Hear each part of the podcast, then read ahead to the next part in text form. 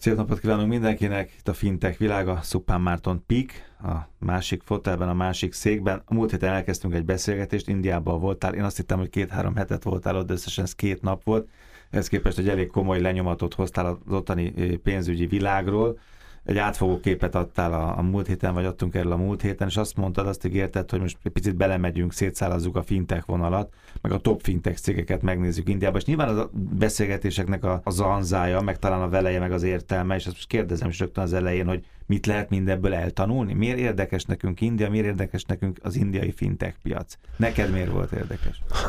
Nekem egy ilyen nagyon érdekes tapasztalás volt, mert azt hittem, hogy nincsen indiai fintech piac, és láttam, hogy van. Ez önmagában már egy érdekes dolog, hogy az ember valamit azt hogy nincs, aztán szembe jön vele. Mégis csak egy szép nagy piac. Igen, eh, ami amúgy emlékszel a, a szingapúri eh, műsorban meséltem arról, hogy Szingapúr azért ki van kiáltva a világ egyik fintech központjának, de hát ott a bőrünkön egyáltalán nem tudjuk ezt érezni, mert, mert ott, ott meséltem az 50 dollárosnak a váltását, meg hogy a harmadik busszal tudtunk hát, elmenni, stb. Bosszantott el állandóan. Igen, igen. Persze, mert az ember úgy megy oda való, hogy arra számít, hogy akkor az... az Ma itt aztán lesz. Minden. Igen, hát itt nem voltak ilyen elvár- elvárásaim. Készpénzzel lehetett fizetni végig egyébként, tehát nagyon, nagyon alacsony. Tehát a turizmusban nem jelenik meg ez a fintech érettség, igen. Mondom, ami miatt érdekes, ez az, az alapvetően a, a meglepetés ereje, hogy van egy egyáltalán ilyen, meg, meg hát azért elindult nyilván egy ilyen gondolkodás, nem, egyáltalán nem biztos, hogy ebből lesz-e lépés, vagy konkrét eh, üzlet, üzlet vagy üzleti döntés,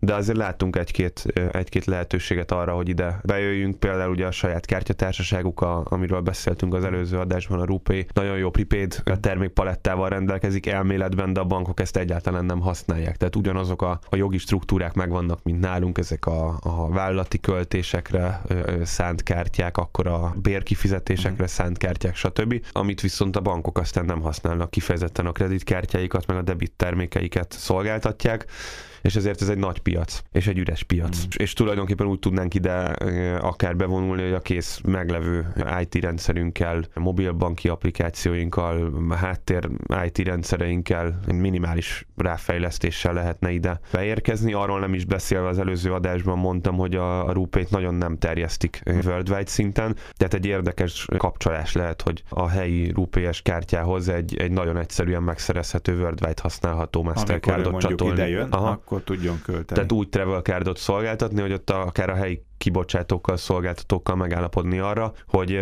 hogy mi megszolgáltatunk egy, egy, egy kifejezetten utazásra szánt kártyát, vagy társkártyát, akár hogyha nagyobb integrációról beszélünk. Úgyhogy van ebben lehetőség is, és egyébként azt gondolom, hogy vannak olyan fintech cégek, akiktől Tanulni akár lehet, tanulni, igen. Néhány kategóriát felsoroltam a, a, az előző adásban. Mobil paymentről beszéltünk, én magát a mobil paymentet egyébként nem kifejezetten szeretem, meg támogatom, mert én szerintem valószínűleg az azért, hogy nincsen ilyen, ilyen ellenérzésem ezzel kapcsolatban, csak azt látom, hogy, hogy ez kifejezetten az ilyen fejletlen piacokon működik, mint ugye az afrikai piac, vagy akár a, az indiai piac, de ha Magyarországon megnézzük a Cellumot például, akik, akik eléggé beleálltak a mobil fizetésbe, azt látjuk, hogy hát itt a magyar piacon bizony elvéreztek, és most is ők is az ázsiai régióban tudnak ezzel ezzel előre menni. Ezek igazából olyan megoldások, amiket, amiket jól meg lehet nézni, de azt gondolom, hogy, hogy oda beszolgáltatni nem igazán lehet. Maximum ezt a travel cardos vonalat tanulni meg annyira nem tudunk mm. tőlük, mert hogy itt nincsen ennek piaca, de van, van néhány elég fejlett mobil fizetési megoldásuk. Azt mondtad a múlt adásban, hogy az összehasonlító oldalak azok nagyon futnak. Azok mennek, és amikor, amikor összeállítottam ezt a tízes listát, akkor még, még nem volt meg az információ, amit szinte az előző adásban beszéltem erről a, a, az 50, több mint 50 bankot tömörítő Open API setről, amire rá, rá tudnak ülni az összehasonlító oldalak is, és le tudják szedni a, az azokat. Egyszerűen nem tudtam elkezdeni, nézegettem ezeket, itt lehet, most pont nézem a jegyzetemet, van ilyen top eh, első számú fintek, ez a Bank Bazaar nevű oldal, tényleg érdemes megnézni, egy hibátlan összehasonlító oldal, és itt kattingattam az oldalt, nézegettem, hogy a fenébe rakták ezt össze, úgyhogy több mint száz banknak a termékeit hasonlítja össze, és ad róla azonnal egy kattintásra információt, mondom, akkor nem volt még meg ez, hogy, hogy apin keresztül tudnak építkezni. Tehát nyilván ez egy, ez egy, ez egy érdekes dolog, amit felhasználtak az összehasonlító oldalt szolgáltatók és nagyon jó bevételeket tudnak elérni, mert ehhez kapcsolódik még az, hogy egy magas az unbanked populáció, amiről szintén beszéltünk múlt héten. 600 millió, az Igen, egy milliárd, és 300 gondol, ragd össze ezt a kettőt, amikor van egy open API szettet, tehát teljesen valid hiteles információt tudsz adni az összes banki termékről, vagy a releváns bankoknak a, a, az összes termékéről, meg van egy 600 milliós potenciális ügyfélkör, akinek egyszer csak majd fog kelleni e, valami termék, vagy hitel, kapcsolata nem volt. Még egybe se volt, nem, vagy Így- 40-be, így, így 100-ba. van, és nem fog elmenni, mert bankfiókot meg nem nagyon látni az utcán, tehát ez megint egy érdekes dolog volt, hogy két-három banknak a, a fiókjaival lehetett találkozni, de nem az volt, mint Amerikában, hogy minden sarkon másik logóval ellátott bankfiók van ott, ahol be lehet eh, mászkálni. Úgyhogy szerintem iszonyatos piac van az összehasonlító oldalak előtt. Kettő ilyet tettem bele a top 10 eh, indiai fi- fintech válogatásba. Ez egyik ez a Bank Bazaar, a másik pedig egy Rubik nevű eh, szolgáltató. Ez egy nagyon érdekes dolog, mert hogy amúgy nem véletlenül ez a neve, a Rubik kockáról nevezték el. Ez egy Mhm. mesterséges intelligenciával operáló dolog, itt meg kell adni a saját adataidat, tehát ez egy fokkal már fejlettebb, mint a Bank Bazaar, viszont kevesebb adatot tömörít. Nem tudom, hogy hány ezer vagy tízezer különböző kombinációja van a, a Rubik kockának, viszont egy az, ami tökéletes, és egy az, ami, ami a, a, a megfelelő és ezért született ez a név a Rubikból és a Unikból, hogy sok verzió van, de csak egy az, ami, ami unik és megfelelő az ügyfélnek. De ez olyan klassz, nem? Nagyon igen, Nem? igen, Ez tök tényleg. jó dolog volt ezt a céget megtalálni.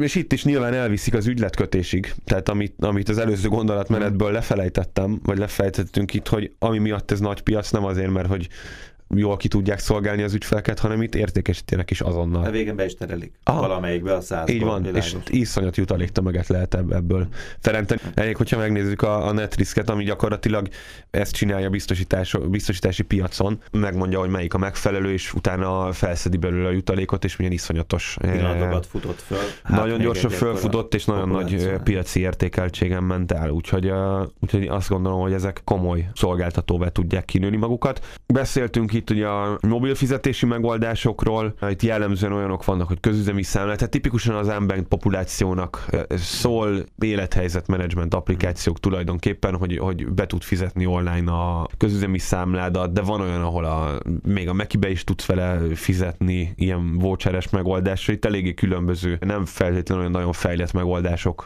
vannak, de működnek, tehát szülte a, a piaci Tehát nincs igény. bankszámlaszámom, nincs banki kötődésem, de be kell fizetnem, amit tudom én mit számlát, meg vásárolni akarok, vagy venni akarok, csak akkor arra. Igen, ami, ami eléggé fejlett, és egyébként nagyon komoly erő is áll mögött, ez a PTM nevű szolgáltató.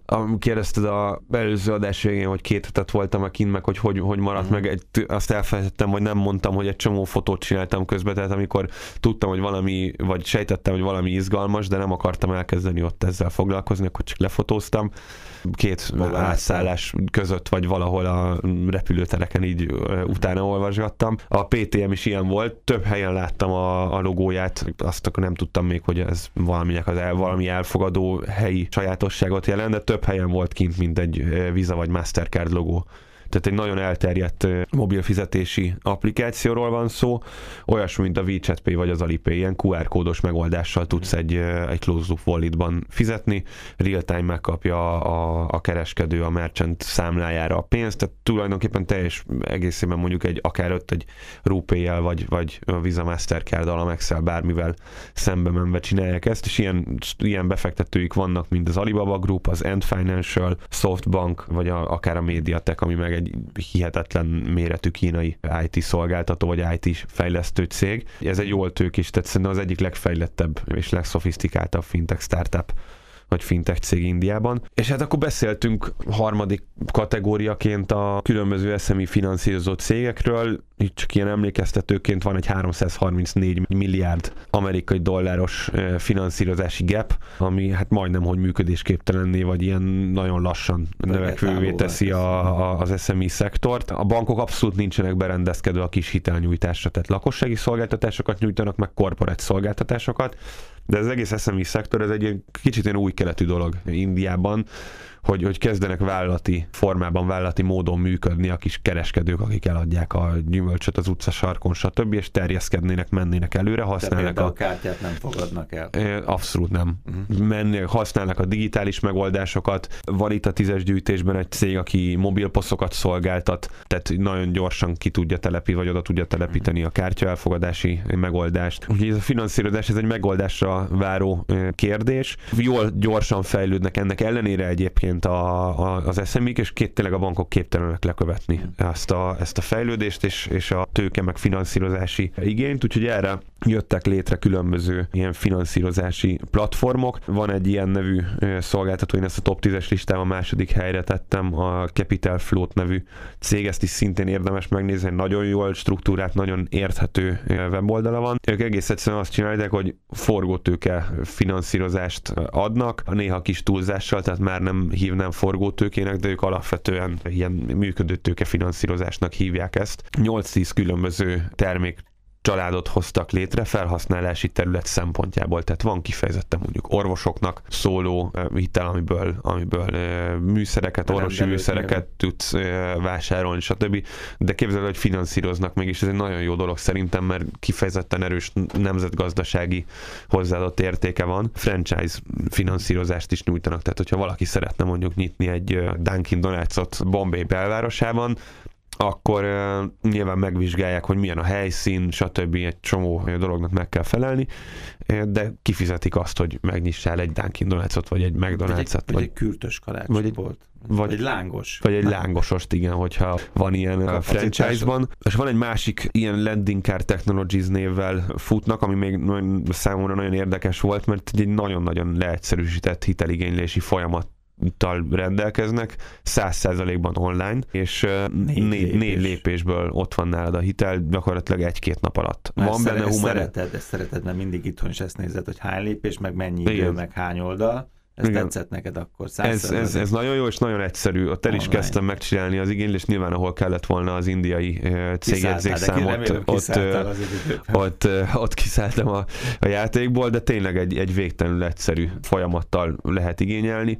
Nem tudom, hogy egy klasszikus bankhiteligénylés hogy zajlik Indiában, de hát gondolom, hogy ennél egy fokkal bonyolultabb, mert hogy nálunk is sokkal bonyolultabb ennél. Azért borzasztóan sajnálom, ilyenkor a munkatársadat tényleg kim vagy, mondjuk Indiában voltál két napot, fotóztál biztos ezret, nem tudom mennyit kutattál, nézegettél, hány oldalt, weboldalt vagy honlapot néztél ott meg, abból szerintem egy csomó mindent haza tudtál hozni. Csak azért mondom, hogy nekem annyira szimpatikus, itt van mondjuk egy fiatal vállalkozó, sikeres fiatal vállalkozó, aki járja a világot, beszél nyelveket, és mindent összegyűjt, amit a világon szembe jön. És azt ilyenkor szépen hazajössz, és akkor azt mondod, nálunk ezt az oldalt mondjuk így lehetne, mert mondod, hogy ezt tetszik, meg azt tetszik, a bazárt nézzük meg, az milyen ügyes, meg milyen egyértelmű, meg milyen jól irányítja az ügyfet, és akkor így onnan az úgy már át is lehet valamit venni. Abszolút, ezek mindig, mindig alakítják a, a, a, a szemléletünket, a termékfejlesztési folyamatunkat. Egy nagyon szerencsés helyzetben vagyok egyébként, hogy a, volt már a műsorban a Juhász Benedek kollégám, aki kínai tanulmányt csinált, meg egy ilyen mm. nagy kínai,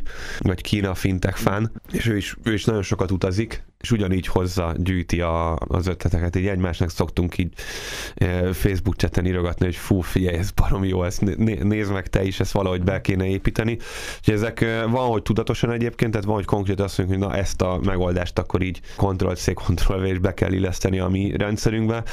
De ami szerintem ennél fontosabb, hogy, és ami miatt jól tudunk haladni, és nagyon jó a termékfejlesztésünk, és tényleg jó termékekkel vagyunk a piacon, az, hogy alapvetően a szemléletünket hagyjuk befolyásolni ezeken az utazásokon, meg így, amit látunk a, a világban, és nem úgy fejlesztünk terméket, mint egy, egy klasszikus bank, hogy ilyen dobozban ülve az irodából kitaláljuk, hogy, hogy mi legyen, meg mi történjen. Szuper Márton Pik, jövő héten találkozunk.